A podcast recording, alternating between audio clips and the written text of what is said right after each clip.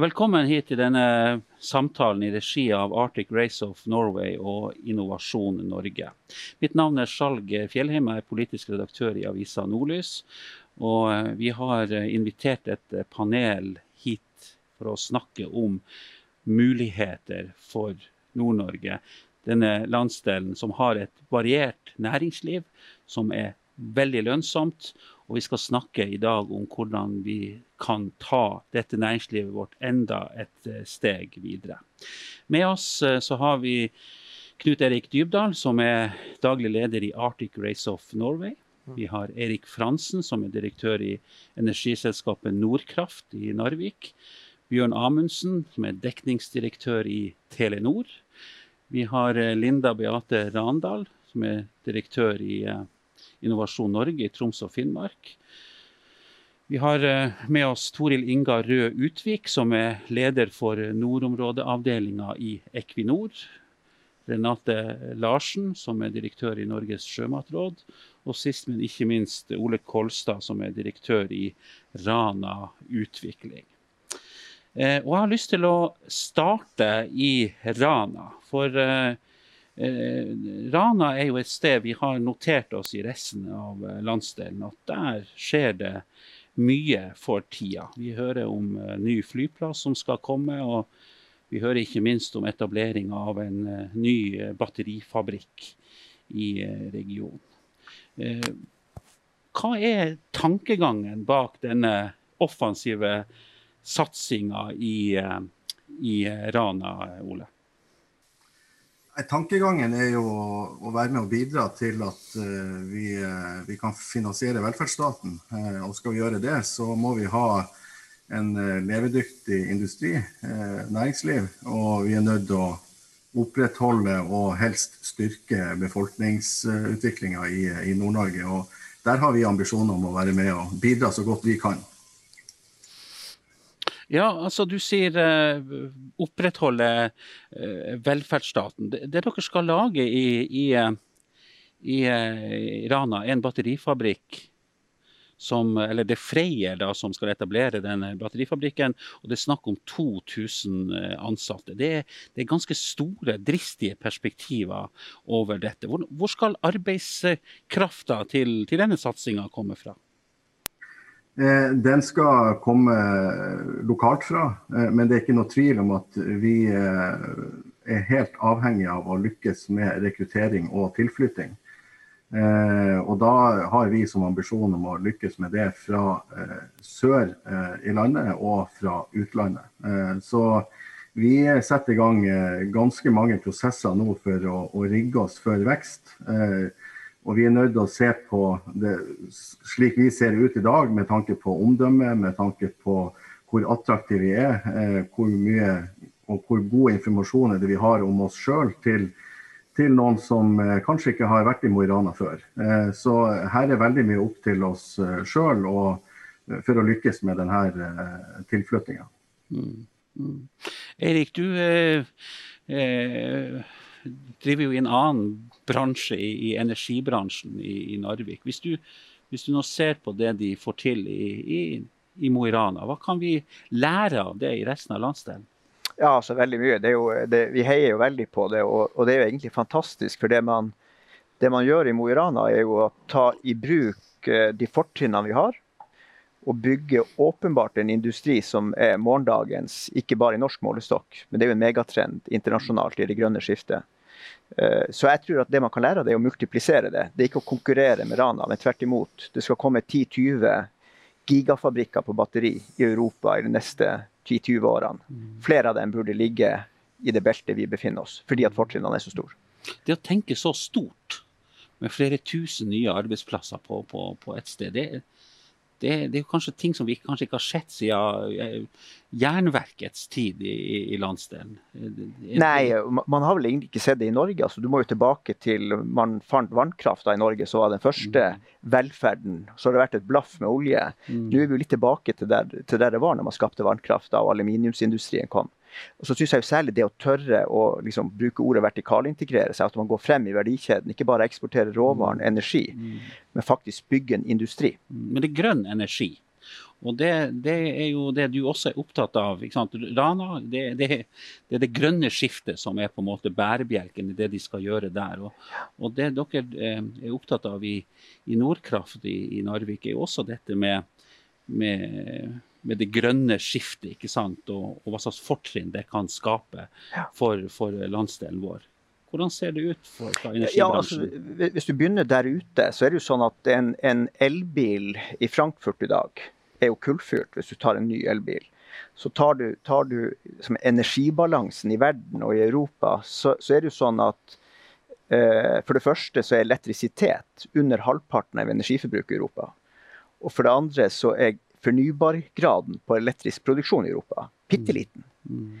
Mens i Norge så har vi altså over 100 fornybar eh, på elektrisiteten vi har. Det, det er fortrinn som ingen andre i Europa har. Det er helt ja, unikt. Og Da blir spørsmålet hvordan kan vi klare å utnytte disse fortrinnene? Eksakt. Og jeg syns det man gjør på Mo, er ett eksempel på hvordan man kan utnytte det. Mm. Man, altså, man, tar industrien til krafta, mm. og ikke motsatt.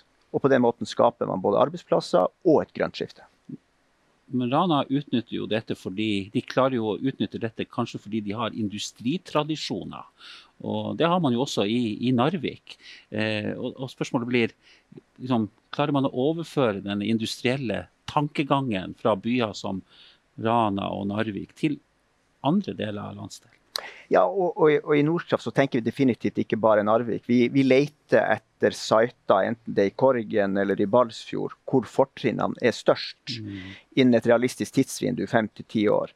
Så vi, så vi, tenker absolutt ikke bare Narvik. Når det gjelder industrikulturen, så er, en, så er det en, ett poeng. Men det er òg den der profesjonelle verten som jeg syns man er. For det er jo andre som har funnet så Frøyer, så er det jo andre som har funnet Rana, fordi at det er en industrikultur. Men man har også klart å funne eh, Rana på kartet. Så man er jo veldig sånn, profesjonell vert. Og Du nevnte jo stikkordet læring. Altså, Vi kan jo innad i landsdelen lære av hverandre. Vi konkurrerer jo ikke med hverandre. Så det er nå å lære av det de har gjort der, enten det skal være i Narvik eller i Harstad eller i Korgen, hvor neste initiativ kommer. Og Ole, dere, dere er klare til å lære bort? Ja da, vi, vi heier på Nord-Norge, og vi, vi, vil gjerne bidra med den erfaringa vi har. Og vi, vi, støtter jo særlig opp om de nærmeste nabokommunene, hvor vi jobber nå aktivt med å, å få flere etableringer rundt, rundt Freyr. Eh, hadde møte med Narvik i, i siste, forrige uke, sånn at eh, vi har en, en, del dialoger rundt omkring i landsdelen hvor vi prøver å spille hverandre gode. Mm, godt å høre. Um, vi skal, eh, vi skal, over til deg, Toril, eh, i, i, Equinor. Dere jobber jo også mye med energiomstilling. Eh, Hvilke perspektiver har, har Equinor knytta til det her i vår landsdel? Ja, jeg kan starte litt med den eksisterende virksomheten som vi har i nord i dag. Jo, altså Hvis du ser på norsk sokkel under ett, så er jo de feltene som ligger i, eh, i, den nordligste delen av landet, de som har lengst eh, utsikter for drift. Så hvis du ser på verdiskapningspotensialet fra den virksomheten som er i gang, så er jo den stor. Og vi vil jo være til stede i landsdelen i mange år basert på den virksomheten som er i gang allerede. Eh, men det er klart at eh, for å skape eh, ny virksomhet med et lengre tidsperspektiv enn det som vi ser med tradisjonell olje- og gassvirksomhet, så må vi tenke energiomstilling. Vi må tenke nytt, og det må også tas nordover. Så jeg tror her ligger det masse muligheter, og de ambisjonene våre er jo først og fremst å være en en uh, viktig aktør i forhold til å forme den, uh, den energitransformasjonen. og også ta med ny teknologi og skape nye arbeidsplasser i kjølvannet av det. Det vi har starta med helt konkret, er jo hovedsakelig retta mot, mot Sør-Norge i forhold til offshore vind. og også i forhold til karbonfangst og -lagring. Men vi har jo Melkøya med med eksisterende injeksjonsanlegg for CO2, som absolutt er et eh, interessant område for å se videre på utnyttelse av gass. Eh, og da i form av nye energibærere som hydrogen og, og ammoniakk. Så her er det masse muligheter i landsdelen. Og jeg tror en av fordelene som Nord-Norge har, sammenlignet med resten av, av landet, er jo er jo det å se løsninger på tvers av hele verdikjeden. Jeg synes Det er veldig spennende de perspektivene som ble diskutert i det forrige panelet også, rundt det her med å tenke helhetlig, tenke, tenk verdikjede, tenke hva kan vi få til i landsdelen rundt det at vi både har produksjon av grønn energi, du har energi, altså forskning og utvikling på bærere og på, på lagring av energi, og også på ny, nye markeder for forbruk. Så her tror jeg det ligger store muligheter hvis en evner å trekke i samme retning i landsdelen. Jeg må, jeg må spørre deg, Er det mulig å se for seg at det blir gjort nye store funn av fossilt eh, altså av eh, olje og gass i Barentshavet som, som, som der, det, der det blir for, tatt en utvinningsbeslutning? Eller er det siste store funnet gjort? Ja, vi har jo Castberg, som er det store neste feltet som mm. kommer i drift i 2023, og som, eh, som er under utbygging. Da. Og så har vi jo et stort funn som heter Wisting, som ligger enda litt lenger nord. Eh, som også ligger i, eh, i, planen for en utbygging. Der er det OMB som skal være operatør i driftsfasen. Vi er ansvarlig, Equinor er ansvarlig for utbyggingsfasen. Eh, og det er klart at For å få aksept for å utbygge større felt nå, så er det jo klart at her må man ha gode løsninger for håndtering av, av CO2. Og en må også se på miljømessig gode løsninger i forhold til å håndtere CO2 i et, i et forbruksperspektiv også. Så her er det jo karbonfangst og -lagring og nye energibærere som er, som er viktig. Men jeg syns også den tenkinga rundt, eh, rundt, utnyttelse av gass. altså Det er jo gjort eh, flere gassfunn, som, mindre gassfunn som, som, ikke er lønnsomme i seg selv med dagens infrastruktur og dagens løsninger, som en kan se nye muligheter for i et lengre tidsperspektiv her. Så olje- og gassressurser er, er fortsatt en en viktig del i, i, overgangen til mm. fornybare energikilder. Og jeg tror også at man må se på det som et laboratorium for utvikling av ny teknologi. Og Det i seg selv kan jo bringe med seg nye muligheter for landsdelen. Ikke bare i forhold til felt i nord, eller, eller denne teknologien, denne sektoren, men også innenfor andre sektorer. Og også å lage konkurransedyktige bedrifter som kan levere eh, både nasjonalt og internasjonalt. Det betyr altså det at vi, vi kan jo kanskje stå i en situasjon der eh, oljealderen i Nord-Norge er over eh, nesten før den har eh, begynt. Jeg tenker litt på de, de, politiske sånn. politiske understrømmene også. ja. Ja, det er klart det er politiske spørsmål her om, om, en vil, om en ønsker en videre utvikling av næringa. Det er jo et mm. viktig politisk spørsmål. Mm. Eh, og jeg, vi tar det ikke for gitt eh, at, uh, at, det er vilje for å gå videre. Selvfølgelig så er det mm. et spørsmål som må diskuteres grundig.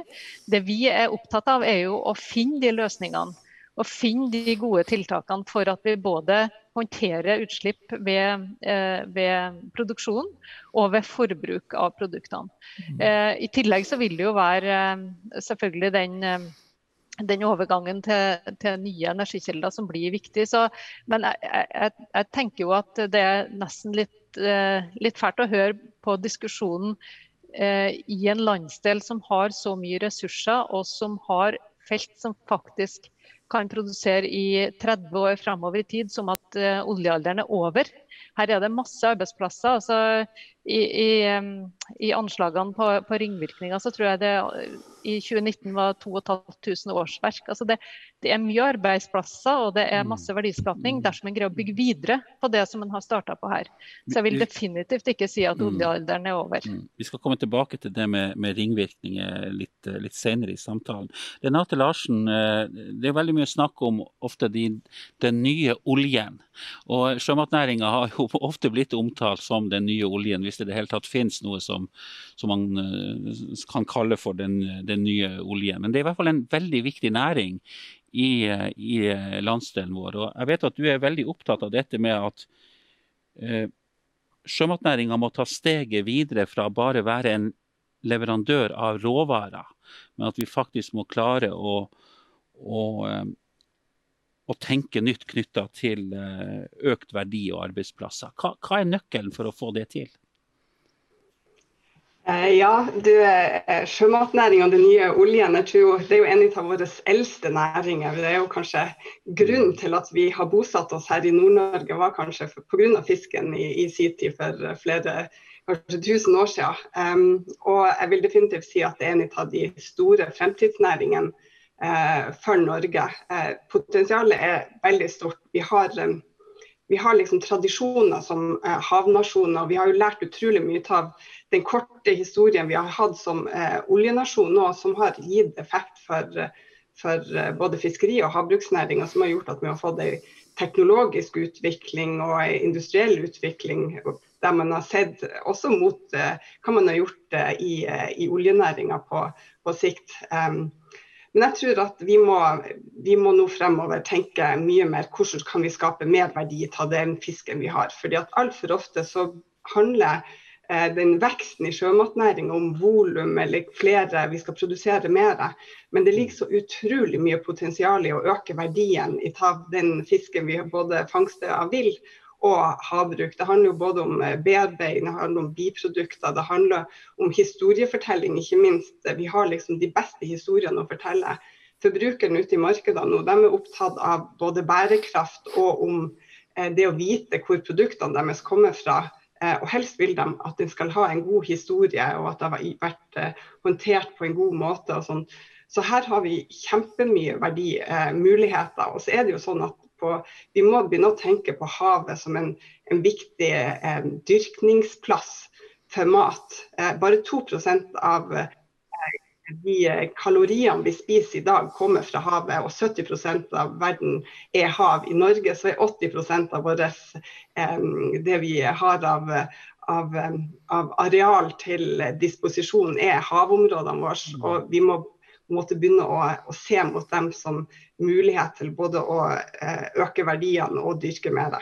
Men er ikke litt av historien om sjømatnæringa i Nord-Norge, i hvert fall sånn som den fremstår eh, i media fra tid til annen, historien om fisk som lastes eh, på land og sendes av gårde i trailere til, til kontinentet uten at den blir bearbeida her i landsdelen. Og, liksom, hvordan skal man liksom få, få snudd denne, denne utviklinga, at vi skal kunne få skape arbeidsplasser som faktisk bearbeider denne fisken, både laks og hvitfisk? Mm. Ja, man må jo se at det er lønnsomt. Det er jo viktig eh, at det skal være sånn. Men det er, jeg tror det begynner å tvinge seg ganske sånn sterkt frem at vi er nødt til å begynne å gjøre mer eh, ut av råvarene våre eh, her hjemme. Det er f.eks. Eh, det her med miljøavtrykk. Eh, vi kan ikke drive og frakte hel fisk eh, til markedene lenger. Vi er nødt til å gjøre mer sånn at det miljøavtrykket som kommer via transport, blir lavere. Det gjør vi også med å bearbeide mer. Så er det jo sånn at Vi kan jo ikke, vi må ikke ha et urealistisk bilde på hvor mye som kan gjøres i Norge, men betydelig mer kan gjøres i Norge. og Minimum det å faktisk gjøre helfisk om til filet er noe som vi enkelt kan gjøre og likevel kan ha arbeidsplasser i Europa som mange påpeker som er viktig som en del av. eh, av um, den verdiskapinga og den attraktiviteten som norsk, norsk, fisk har. Men her må det være vilje både hos eh, myndighetene, og hos næringa og, og, lokalsamfunn egentlig til å satse på det. Men potensialet er der, og jeg mener jo at det er lønnsomhet hvis man er villig, villig til å, å, å satse. Men da mm. må man også ha finansiell kraft og at man har tilgang til f.eks. risikokapital i Nord-Norge. Har vi det? Har vi det i dag? Har vi tilgang på, på denne, denne, disse pengene med vilje til å ta risiko? Historisk sett har vi kanskje ikke hatt nok tilgang til det. Um, nå har vi jo sett at det er veldig mange av de nasjonale store selskapene som har etablert seg i Nord-Norge. Uh, og Der er det nok mye større kapital der. Men jeg skulle jo ønske at vi kunne få litt sånn gründerånd i sjømatnæringa og se faktisk potensialet til å gjøre ting i småskala og nisjeproduksjon for å øke verdien. Om det er bearbeiding eller om det er å tenke, tenke mm. helt nytt, så, så tror jeg òg det er potensialet. Men da trenger vi òg virkelig at, at, både, ja, at vi har tilgang på risikokapital kommer jo regjeringa med et, eh, et, eh, investeringsfond på 200 millioner og har invitert nordnorsk næringsliv til å også komme med sitt bidrag. og Det er kanskje et steg i riktig retning? Absolutt. Og det tror jeg jo at liksom det å skape også eh, gründeraktivitet i Nord-Norge og tenke nytt. Der har sikkert eh, Innovasjon Norge òg mange tanker om hvordan man kan både få det til og stimulere til til det. Men jeg tror at det kan både skape arbeidsplasser i eh, småsamfunn, men også skape store muligheter i, mer, i, i de, de, byene vi har også i Nord-Norge. Mm. Skal vi gå til deg, Bjørn eh, Amundsen. Eh, du har jo vært på landeveien i Nord-Norge i ganske mange år. 27 år har du farta rundt som dekningsdirektør i Telenor, og du kjenner jo denne landsdelen ut og inn. Og du vet jo hvor viktig dette med digital infrastruktur er for, for landsdelen. Og når du hører her om de store mulighetene for industriell utvikling i landsdelen, hvordan er situasjonen nå for den digitale infrastrukturen i, i landsdelen vår? Altså, og da tenker jeg ikke bare på digital infrastruktur som et stort samlebegrep, men helt konkret f.eks. på bredbånd. Tilgang på bredbånd. Nei, først og fremst må jeg si at jeg er veldig imponert over uh, Ole og hva de har gjort uh, på Mo industripark. Jeg hadde gleden av å være der og få presentert noe av uh, det han snakker om for, for kort tid tilbake. Og Det er klart at det krever også mye av oss i, i Telenor mm. å få på plass den infrastrukturen. Men ser du Nord-Norge totalt sett, da, så må jeg jo si at mobildekningen den er jo egentlig fantastisk. 99,98% av befolkningen har muligheten til å bruke 4G der de bor. Men ser du på bredbånd med høyhastighet, så kom Nkom, Nasjonal kommunikasjonsmyndighet, med en rapport som sier at ca. 10% ikke har bredbånd med 100 megabit. Mm. Og skal vi få løst det, da trenges det mye mer statlige midler eh, for å få gjort dette. I 2008 så stoppa fiberen i Lyngen. Mm. Uh, og så ble det spleiselag med, med, flere med Telenor og staten i bildet som gjorde at vi i hvert fall fikk til nord for Lyngen. Men jeg vil si kortversjonen på spørsmålet ditt, bra på mobil, men det gjenstår en del uh, på høyhastighet bredbånd. Og da må man inn med mye mer statlige midler enn det som brukes i dag. Men, men, sånn som du observerer det da fra ditt ståsted i, i, Telenor gjennom mange år, og med veldig god kunnskap om næringslivet i, i landsdelen, hvor viktig er dette for å utløse potensialet for å skape mer verdier? Jeg tror det er helt alfa og omega. Uh, vi har jo sett hva covid-19 har gjort. Hvordan bruken av bredbånd forandret seg nesten over natten. Fra 12. til 13. mars 2020. Hvor uh, gikk fra at alle reiste, mm. til at uh, alle satt på Teams. Og alle bedrifter tenker fotavtrykk. Vi skal jo være klimanøytrale så vidt jeg husker innen 2030. Må redusere reisingen vår ganske betraktelig i Telenor. Mm. Og når jeg opplever den tilbakemeldingen jeg får fra ordførere og folk jeg snakker med i, i, nord, så er det klart at de forventer jo det samme enten du bor i Nordreisa, på Mo, eller om du er på Kunes for den saks skyld mm. Eh, i Finnmark. Og skal vi klare å opprettholde bosetting, og kanskje til og med øke den ut på bygda, ja, da må de ha de samme mulighetene som mm. det man har når man bor på Kampen i Oslo. Og det er et felles løft. Og det er langt større enn det operatørene klarer å ta alene. Mm. Linda Beate, har du synspunkter på, på det Bjørn snakker om her? Jeg har nå en gang vært ordfører i Kirkenes. Jeg var ganske sint på han Bjørn, men jeg er veldig fornøyd med han Bjørn. så, det, så det er jo, nei, den digitale infrastrukturen altså, han Bjørn har jo helt rett. Den er jo, den er jo veldig bra. Det som jeg egentlig hadde lyst til å si noe om, det var den første delen dere snakket om, og det var egentlig det batteriprosjektet som ligner på kan du si, mange andre store løft vi må ta fremover, som jeg tror utfordrer oss på en litt sånn ny måte når vi skal jobbe oss opp i verdikjedene og på en måte ha inngripen på andre verdikjeder enn å bare sende på en måte alt ut av landet her. fordi at du må på en måte bygge prosjekter som, som involverer veldig mange flere aktører.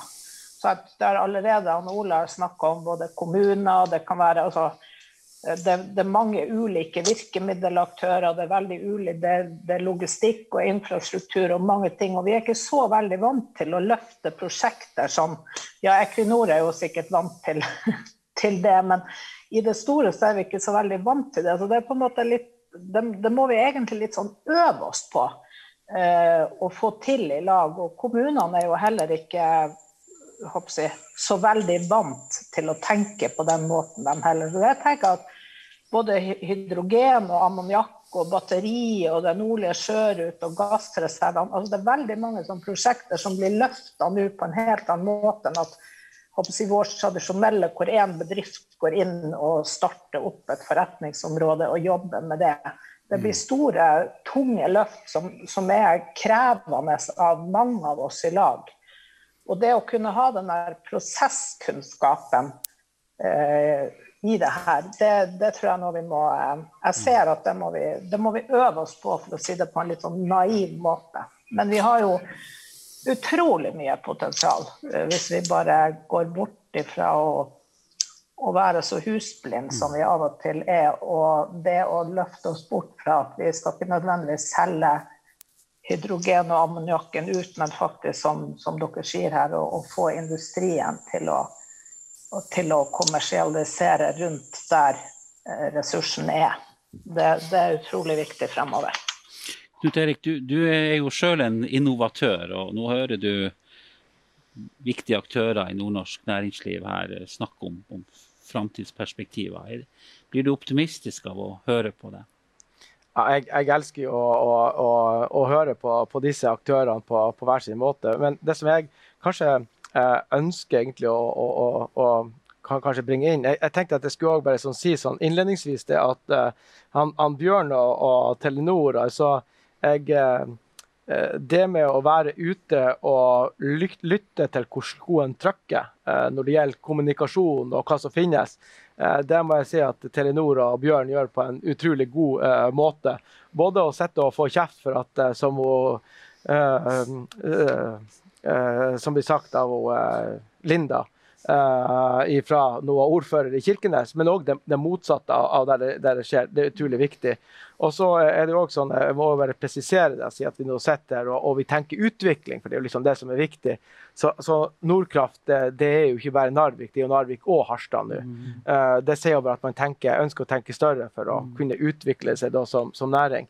Men det som jeg, det som jeg syns er enda mer spennende, det er liksom um, Equinor som, som selskap. Uh, du verden hva de har vært med på og, bidratt til eh, i alle de årene de har eksistert. Eh, i forhold til vårt velferdssystem og hvordan det da, da fungerer. Og ikke minst blir presisert det i forhold til arbeidsplasser og arbeidsplasser i landsdelen. Eh, det som jeg gjerne ønsker, det er jo at Harstad og Hammerfest, ikke liksom skal, hvor ting skal være i Nord-Norge, uh, det må ikke være det som er viktig. Det må heller være viktig å spørre oss på hvordan kan vi da, sånn som vi er organisert, kunne utvikle oss da eh, videre. Og vi vet jo det at Sjømatnæringa har lært mye fra den industrien som har vært, og man deler kompetanse. Men hvis jeg skulle si noe som kanskje vi trenger i, i Nord-Norge, det er jo det at Equinor kanskje spesielt, spesielt da, har en kompetanse som kanskje veldig få eh, bedrifter altså på den størrelsen som de er, eh, har.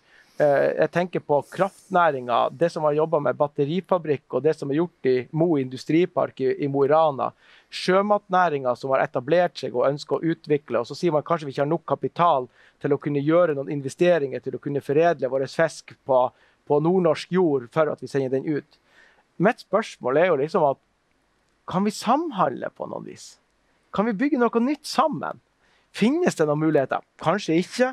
Eh, men jeg bruker å spørre oss, tenk på den kompetansen som finnes rundt omkring, om du er små, om du er liten eller om du er stor. Og, og hvordan kan vi liksom drage eh, en retning videre eh, som blir satt i forhold til batterifabrikk som gjøres på Mo, men det kan vi òg gjøre andre plasser. Det handler ikke om å ta ifra Mo, det handler om å tilføre nye ting. Altså, Hvordan kan vi gjøre akkurat de tingene så vi kan foredle mer, sånn som svenskene på andre sida gjør av, av grensen eh, i vår landsdel?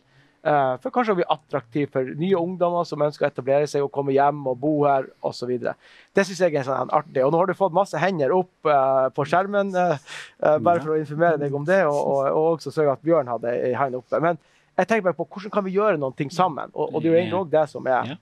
Fin utfordring. Vi starter med deg, Tori Linga.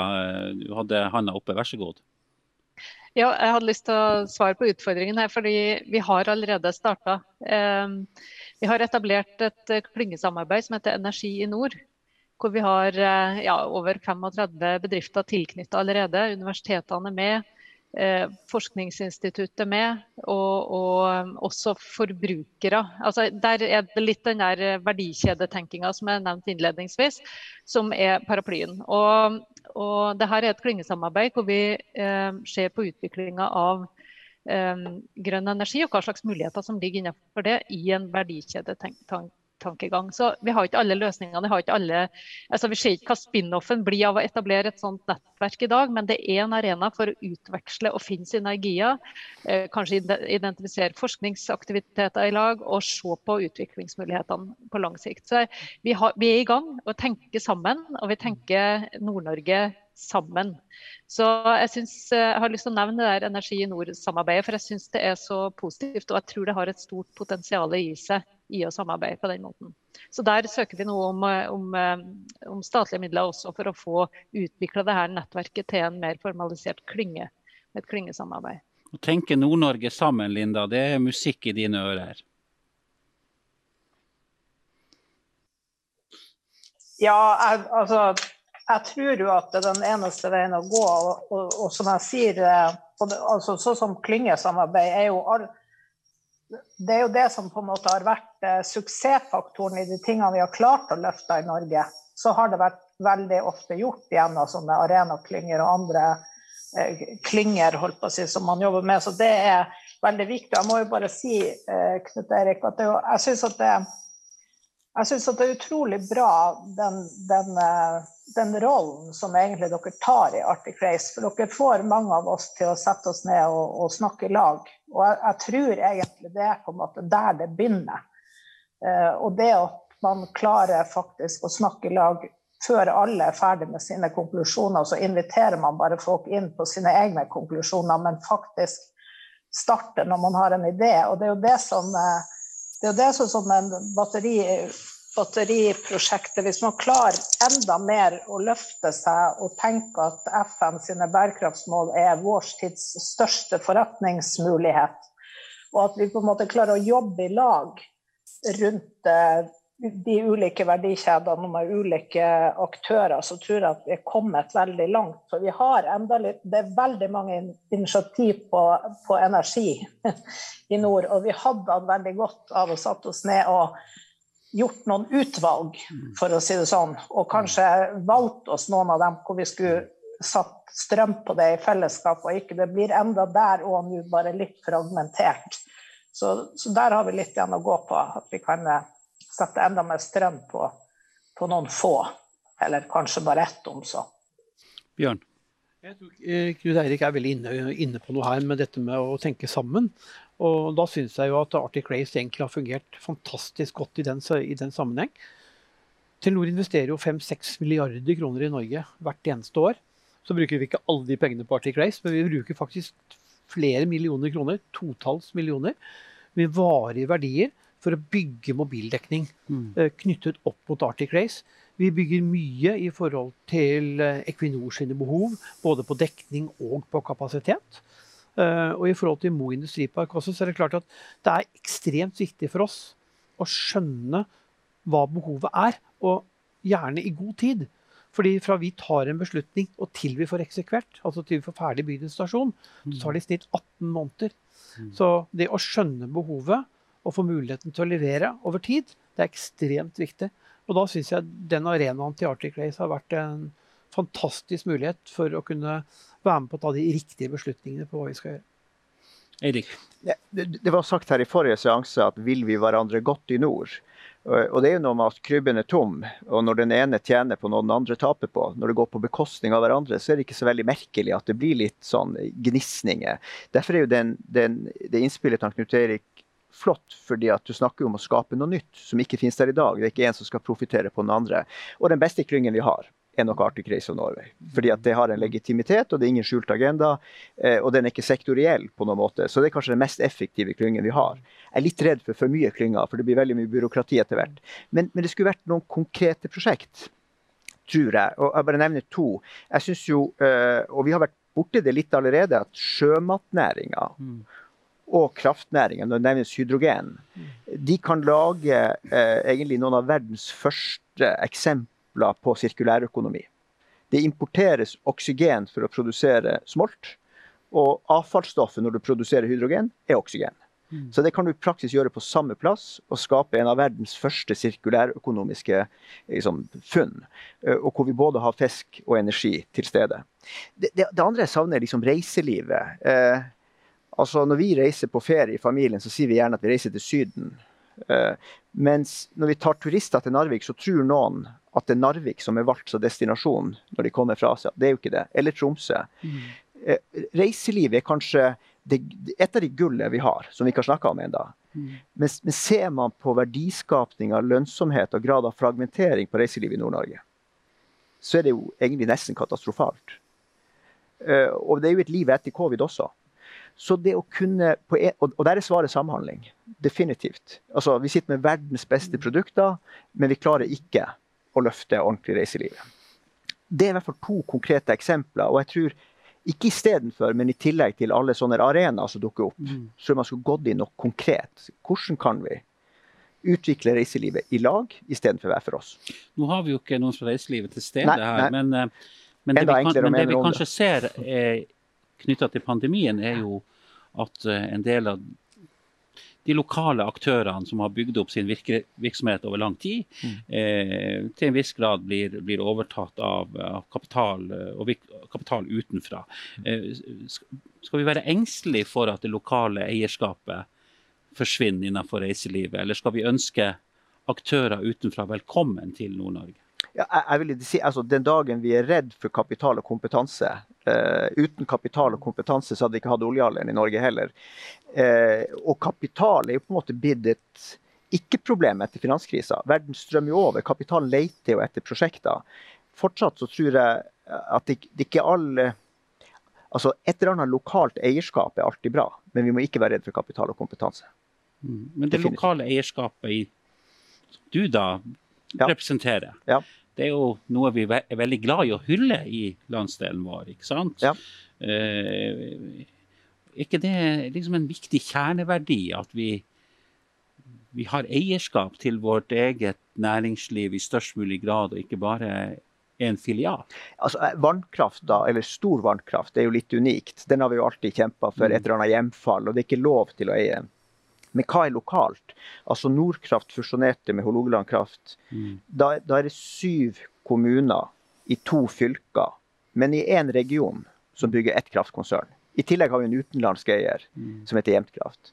Eh, så hva er lokalt egentlig? Det er, jo, det, det er, jo, definitivt ikke lokalt, men det er et regionalt eierskap. Det, mm. det tror jeg er et viktig proteksjonistisk tiltak for stor vannkraft. Men det er jo ikke tilfellet på masse annet mm. av naturressursene mm. våre. Mm. Så ja, lokalt eierskap, men jeg tror ikke det må stå i veien for ekstern kapital og kompetanse. For det er helt nødvendig hvis vi skal få noe større ut av det. Det ene utelukker ikke det. Nei, nei, absolutt. Jeg skal vende litt tilbake til den utfordringa fra Knut Erik eh, knytta til, til, til å, å, å, skape felles eh, arenaer for samhandling. Og, og Ole, i, i Rana på Helgeland, der man både har sterke industrimiljøer eh, altså i Rana, og så har man oppdrettsnæringa som også er veldig sterke på Helgeland. Eh, hvordan er samhandlinga mellom, mellom, disse to greinene i næringslivet på, på Helgeland i, i, dag? Nei, Den er veldig god. Eh, jeg kan jo bare vise til det siste som har skjedd rundt, eh, rundt flyplass. Eh, der ser vi at sjømatnæringa og industrien i lag eh, legger kroner på bordet som det private bidrag til en, en ny flyplass. Så, så, det er jo et veldig konkret eksempel på at de næringene eh, samarbeider og, og, vil hverandre vel, og vil regionen vel. Eh, og jeg, ble, jeg, er enig i det han Knut Erik sier om eh, vi må ha noe å samarbeide om. Og så bet jeg meg merke i noe annet han, han, sier, og det er jo når, når Arctic Race skulle, eh, skulle finne seg en samarbeidspartner, så gikk det ikke til et kretsløp i, i, i lenge sør i landet eller til, til Sverige. Det gikk til eh, verdens beste sykkelarrangørritt. Eh, jeg kan ikke så veldig mange.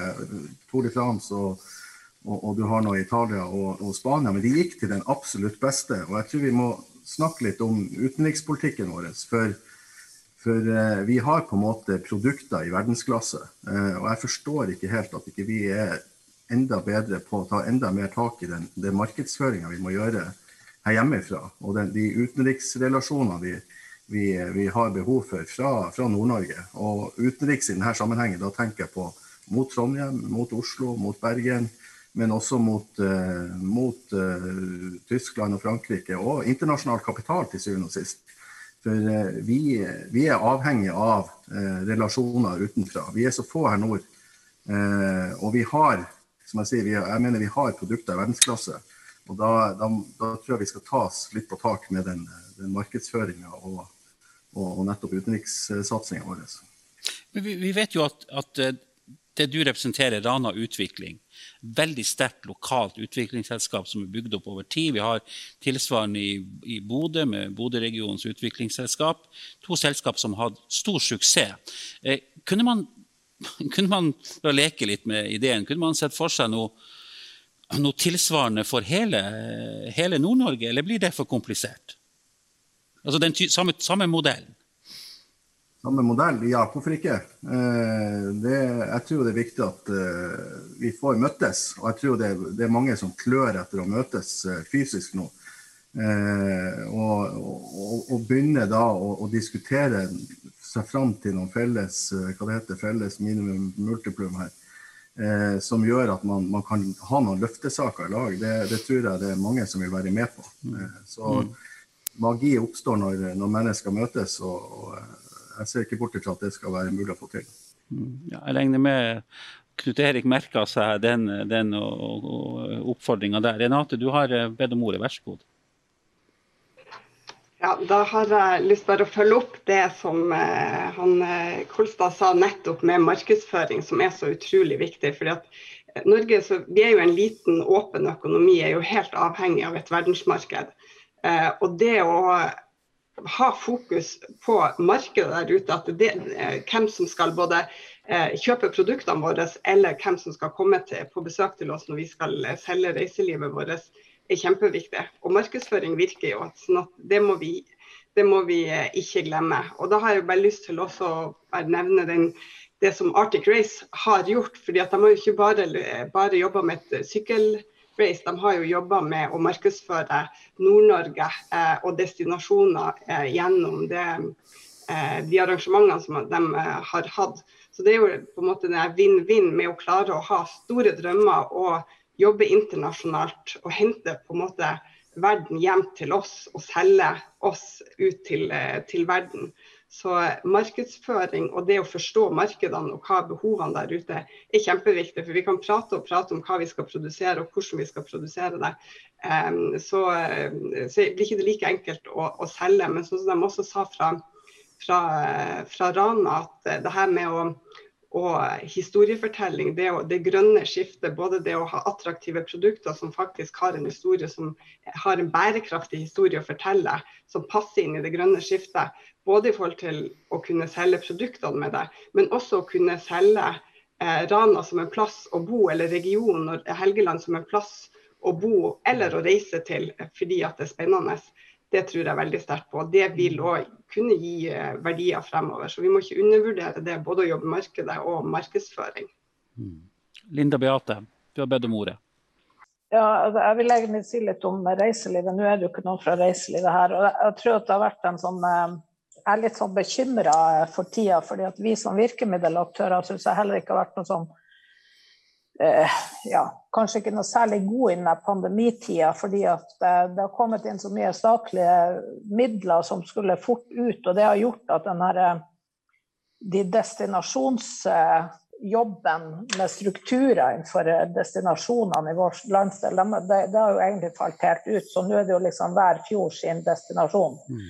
Det, det blir utrolig mange som skal selge liksom, hvor du sitter med bare nesten en kommune og skal markedsføre det. Der tror jeg vi har en utrolig stor jobb uh, å gjøre fremover, hvis vi skal klare å, å løfte oss uh, og se utover. Men jeg, jeg, skulle ønske at vi kunne uh, jeg skulle ønske at vi kunne på en måte tatt opp de store potensialene som er i vår snø. altså Batteri og hydrogen og ammoniakk. Det kan være den der veistrekninga opp i Storfjord som man kan bruke til test som hviler med Arctic Race og Vegvesenet og Telenor altså sette sammen litt sånne prosjekter som ikke behøver å være så svært og byråkratisk at det klinger. Mm. Men, men, å på en måte få kartlagt litt. Hva er, det, hva er, det, vi i nord kan levere til verden?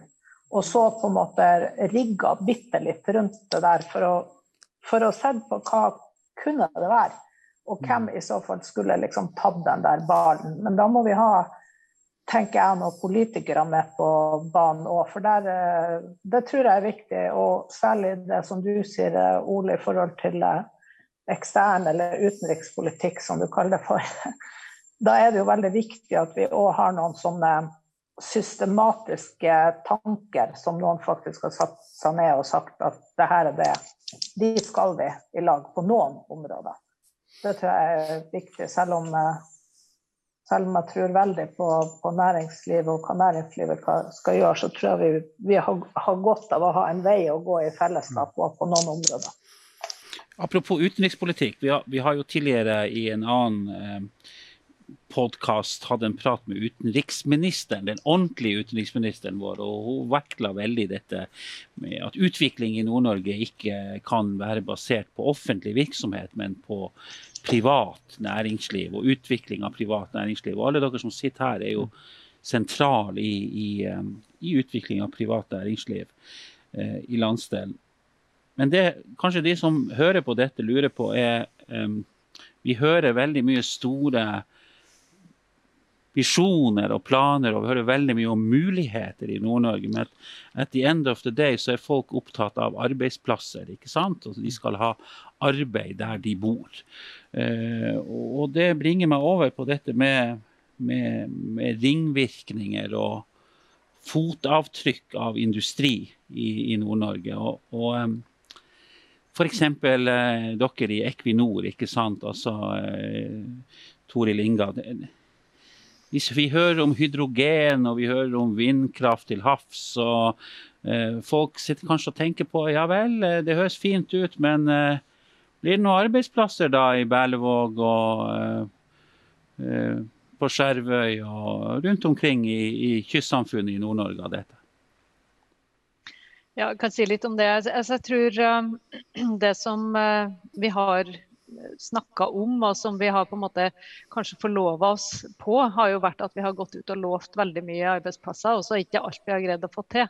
Så nå er vi veldig klar på at uh, det vi ønsker å få til, er langsiktig tilstedeværelse rundt de operasjonene vi har. Og, og uh, Hvis du ser på de totale tallene, som sagt, så er det jo leveranser fra nordnorske leverandører på i størrelsesorden 3-4 milliarder kroner per år til industrien vår. Sånn at det er jo i dag en ganske stor aktivitet knytta til det. Men jeg tror vi må se på ringvirkninger i et bredere perspektiv. Vi må snakke om uh, utdannelse, vi må snakke om utdanning av fagarbeidere. Vi kommer til å ha behov mm. for fagarbeidere i uh, industrien vår i mange mange år framover. Det må vi få opp.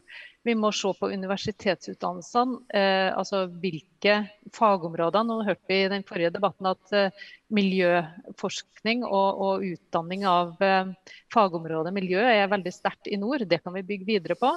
Eh, vi har andre eh, områder knytta til energiomstillingen som også det finnes muligheter for i forhold til, til universitetssektoren. Så det mm. finnes mye mer enn bare det som går på aktuelle arbeidsplasser i bransjen, men som er tilknytta når du øker aktiviteten innenfor en, en, industri. Og jeg tror også det her med synergier på tvers av sektorer er noe som vi må se enda mer på.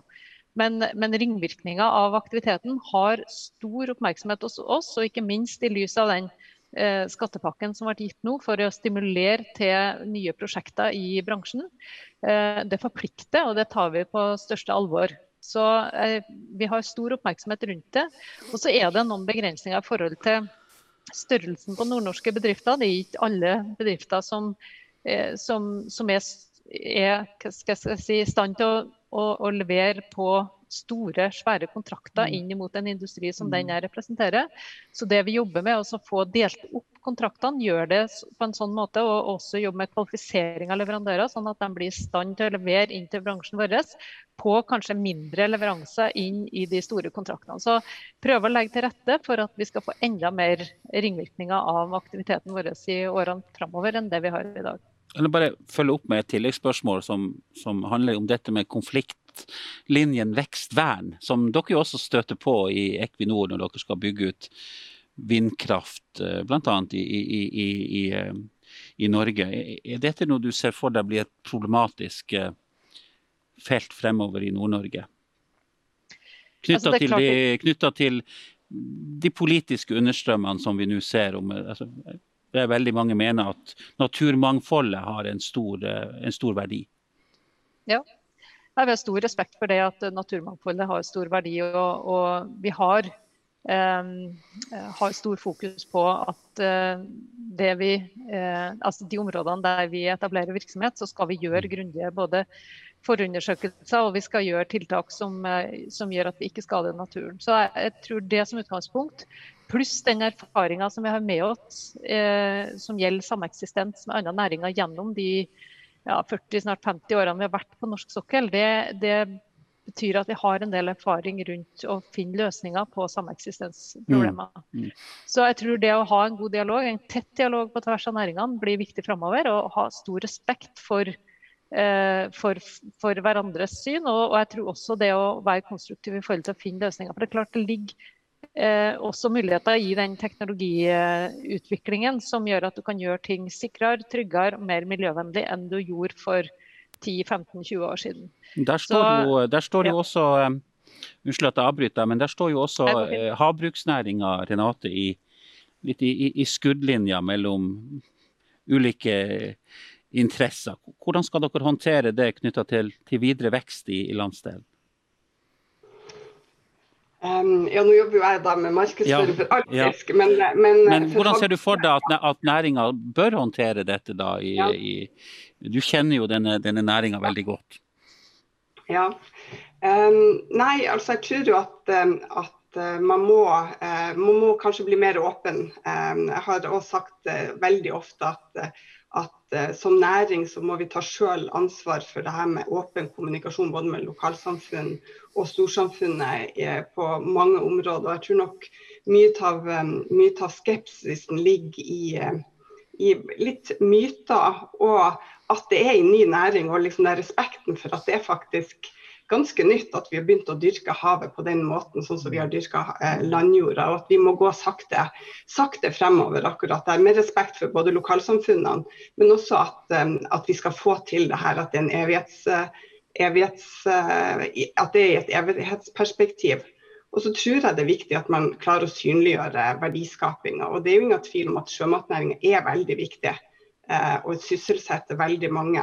I Troms og Finnmark er det jo rundt 10-12% av befolkninga som er sysselsatt i fiskeri- og havbruksnæring. Mens i sånne kystsamfunn sånn som du nevnte her tidligere, både hvis vi bruker Båtsfjord eller Skjervøy eh, eller Myre eh, eller, eller mange andre plasser, så, så, er det 50% som er sysselsatt knytta til sjømatnæring og er helt avhengig av den næringa. Men den åpenheten og, og, dialogen og forståelse for at det er en ny, ny næring som trenger å skape, skape, forankring, i og med at også den er så nært der folk, folk, bor og har vant til at det ikke skal være så veldig stor aktivitet. Det tror jeg er viktig. Og så Mellom fiskeri og havbruk der må vi ta det på alvor. At det er en, det er en utfordring at man må snakke i lag eh, på en god måte. Vi skal eh, begynne å gå inn for landing. og så vil vi ta en runde til slutt på dette med liksom hvor er det største potensialet i, eh, i nord? innenfor næringsutvikling fremover. Og vi har vært innom mange liksom, uh, ulike temaer, men er det en rød tråd her? Er det noe vi kan liksom, oppsummere med som et, som et, minste felles multiplum som, som byr på, på, på, en, på, en, på, en, stor mulighet? Altså, Eirik, du du, du har, sagt til meg at vi har nå i Nord-Norge et, et, tidsvindu på ti år for å utnytte de mulighetene som ligger innenfor innenfor energibransjen. Ja, men, men, først, hvis jeg får lov, Charles. Vi, vi, skal ikke snakke om problemer. Men, men er bare litt sånn referanse til det du sa med utenriksministeren. Eh, altså jeg, jeg, mener at det er et generelt problem, ikke bare i Nord-Norge, men hele Norge. En slags misforstått idé om at sentralisering er effektivt. Mm. Når vi, når vi eh, i Hålogaland og Nordkraft fusjonerer som ett eksempel, hvis vi falt for fristelsen med å flytte en funksjon fra Harstad til Narvik som et hovedkontor for konsern, eller motsatt, mm så er det ingen effektivitetsgevinst. Det mm. eneste resultatet er økt spenning mellom to naboer. Mm. Eh, og, og, der har liksom hele offentlig sektor alltid vært Man tror at det er effektivt, at alle sitter på samme plass hvor det er høyest mulig husleie. Mm. Det styres av helt andre ting enn rasjonale og effektivitet. Så jeg, jeg, jeg syns ikke at det er åpenbart at ikke statlige arbeidsplasser, uten å sutre seg til, mm. med fordel kunne ligget i vår landsdel. Flere av dem. Altså NVE sitter i Middelsunds gate, Mattilsynet sitter i Oslo. Det er ikke for meg åpenbart at den burde ha hovedadresse på sentrale Østlandet. Og Da mener jeg ikke sutring, men liksom basert på de komparative fortrinnene. Mm. Fordi at jeg tror eh, at det er noe med helhet. Kraft er ikke arbeidsintensivt. Kraft er kapitalintensivt, men det er et grønt gull. Så det er noe med samspillet mellom kraft, sjømat, reiseliv. Fordi at skal man klare å rekruttere 2000 til Mo, så må det være boglede. Skal det være boglede, så må vi være kjent. Eh, Så det er noe med sammenhengen. Jeg tror det er fire gode muligheter. Kraft er én ting, reiseliv er en annen, sjømat er en tredje. Men jeg tror også at offentlig etat er kjempeviktig. Der fortrinnene er som størst. Det er lov å snakke om, eh, om det som handler om å desentralisere statlig virksomhet. Absolutt. Ja, eksakt. Der det må vi kanskje kunne også forvente at næringslivet i Nord-Norge tar del i den samtalen. ikke sant? Ja, absolutt. Jeg syns det. Og, du, får, du får eh, Men det er veldig viktig at inngangen ikke er at nå er det vår tur, eller nå skal vi sutre oss til noen ting. Men det er åpenbart noen enheter som med fordel kunne ligget i vår landsdel. Og så tror jeg det å dyrke noen sånn fyrtårnsprosjekter som Arctic Race Mange spør seg jo hva er ringvirkningen av et VM i Narvik. Mm. Eh, åpenbart at det har noe med reiseliv å gjøre. Men da må man evne å gjøre noe med det, Mm. og bruke det. Men det har også med mye annet. For hvis vi setter oss i Europa og sier at vi skal bygge en batterifabrikk i nord, eller et datasenter, så er det så vidt de vet hvor vi er. Men vi får jo egentlig satt lampen. Altså det største markedsføringsprosjektet vi kan ha i lag, Mm. er egentlig sånne VEIM-initiativ. Bjørn, hvis du skal se inn i, i glasskula nå og liksom se etter de store mulighetene fremover. Jeg tror man i hvert fall er mye flinkere til å snakke sammen og, og sette krav. Uh, Arctic Race er en av de få arenaene i nord hvor man har klart å være enige. Tar du OL-debatten i 2018, så viste den bare splid. og det er liksom Alle skal ha sitt, istedenfor å tenke, tenke stort. Mm. Uh, vi skal i hvert fall gjøre vårt i, i Telenor for å ha en infrastruktur på plass i hele nord. Og vi er, vi er på god vei. Men vi trenger også at eh, kundene er kravstore. At man også tenker sikkerhet i dette bildet her. Uh, og det er ikke alltid pris uh, alene som gjelder, men man må kort og godt tenke to totaliteten her. Uh, og et lite sånn, I og med at vi har vært innom litt på reiseliv også, så syns jeg det er veldig mye konkurranse mellom småsteder som burde ha slått seg sammen og tatt én destinasjon istedenfor uh, at alle skal kjempe mot hverandre. Jeg tror samarbeid er løsningen på mye. Du etterlyser innenfor reiselivet bl.a. at destinasjonsselskap slår seg sammen. Ja, og jeg har egentlig aldri skjønt hvorfor en kabelvåg nesten skal slåss med Svolvær og, og på det nivået. Uh, Lofoten Vesterålen burde i hvert fall være én arena. Og så vet jeg at det er noen som gjør det, men det er altfor mye, for mye smått som Mm. egentlig skal kjempe ut i den store verden. Og da er det egentlig Norge som er én destinasjon, og så kan man godt splitte oss inn sør og nord, for Lindesnes og Nord-Norge er to forskjellige ting. Men man kan ikke begynne å selge Reine for Reine og Svolvær for Svolvær. Og for meg så opplever jeg det veldig mye sånn som jeg reiser i Nord-Norge. Dette med dialog og samarbeid, Knut Erik, det er jo liksom ditt mantra i, i Nord-Norge. Jeg, jeg har jo litt spøkefullt sagt til deg at liksom, noe av grunnen til at du har hatt så stor suksess, er at du, du arrangerer et sykkelritt som drar forbi ulike steder i Nord-Norge. og Det er ikke noe som skal lokaliseres noe sted, så det er ikke noe å, å, å krangle om, for å si det sånn. Men, men, og det er selvfølgelig bare en liten del av, av historien om en stor suksess som du har skapt. Men, men dette her med samarbeid, som, som Eirik og, og, Bjørn er inne på, hvor, hvor viktig er det? Altså? Er det, altså er det, er det helt sentralt for å, for å få utvikling at vi klarer å tenke sammen om de store løftene? Helt klart. eh, Og jeg må bare presisere at eh, det er ikke jeg som har fått til noe. Jeg må også presisere det at det, det, er, ikke, det er ikke jeg eller Du noen. må ikke være er så liksom- beskjeden. Nei, men det er liksom det, altså, det, Man kan jo si at det er jo noen som må være med på å lage rammen for hvor man skal starte. Men suksessen er ikke der hvis ikke alle ønsker å dra i lag.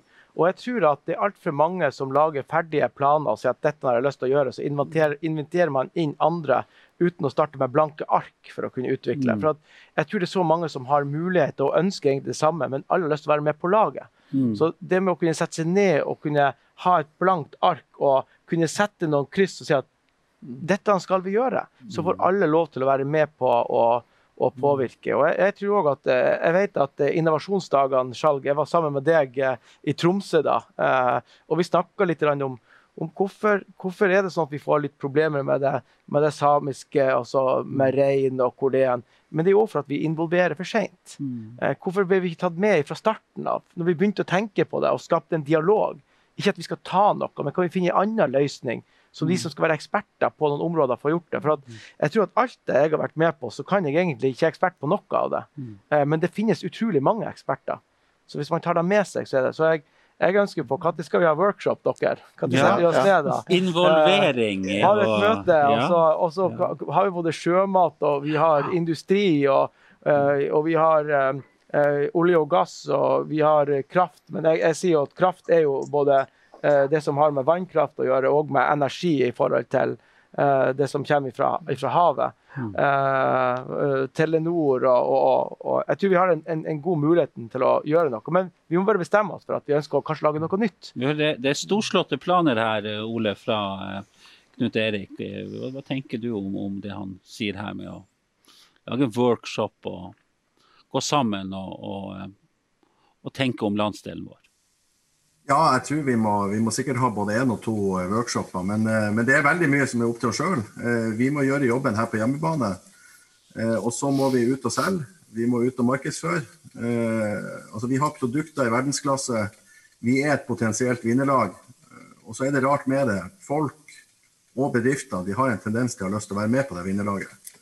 Og, og det merker vi nå litt i Mo i Rana. Vi, vi har noen store ting på gang her. Det tiltrekker andre etableringer, det tiltrekker andre som vil være med på denne eh, suksessen. Eh, det være seg boligutbyggere, det være seg universiteter, eh, andre bedrifter som vil være, være her. Og, eh, og, det her kan vi få til ganske mange plasser i, i Nord-Norge. Enten det er innenfor sjømat, havnæringen, eh, reiseliv. Eh, så ja, vi må framstå som, som det vinnerlaget vi egentlig er.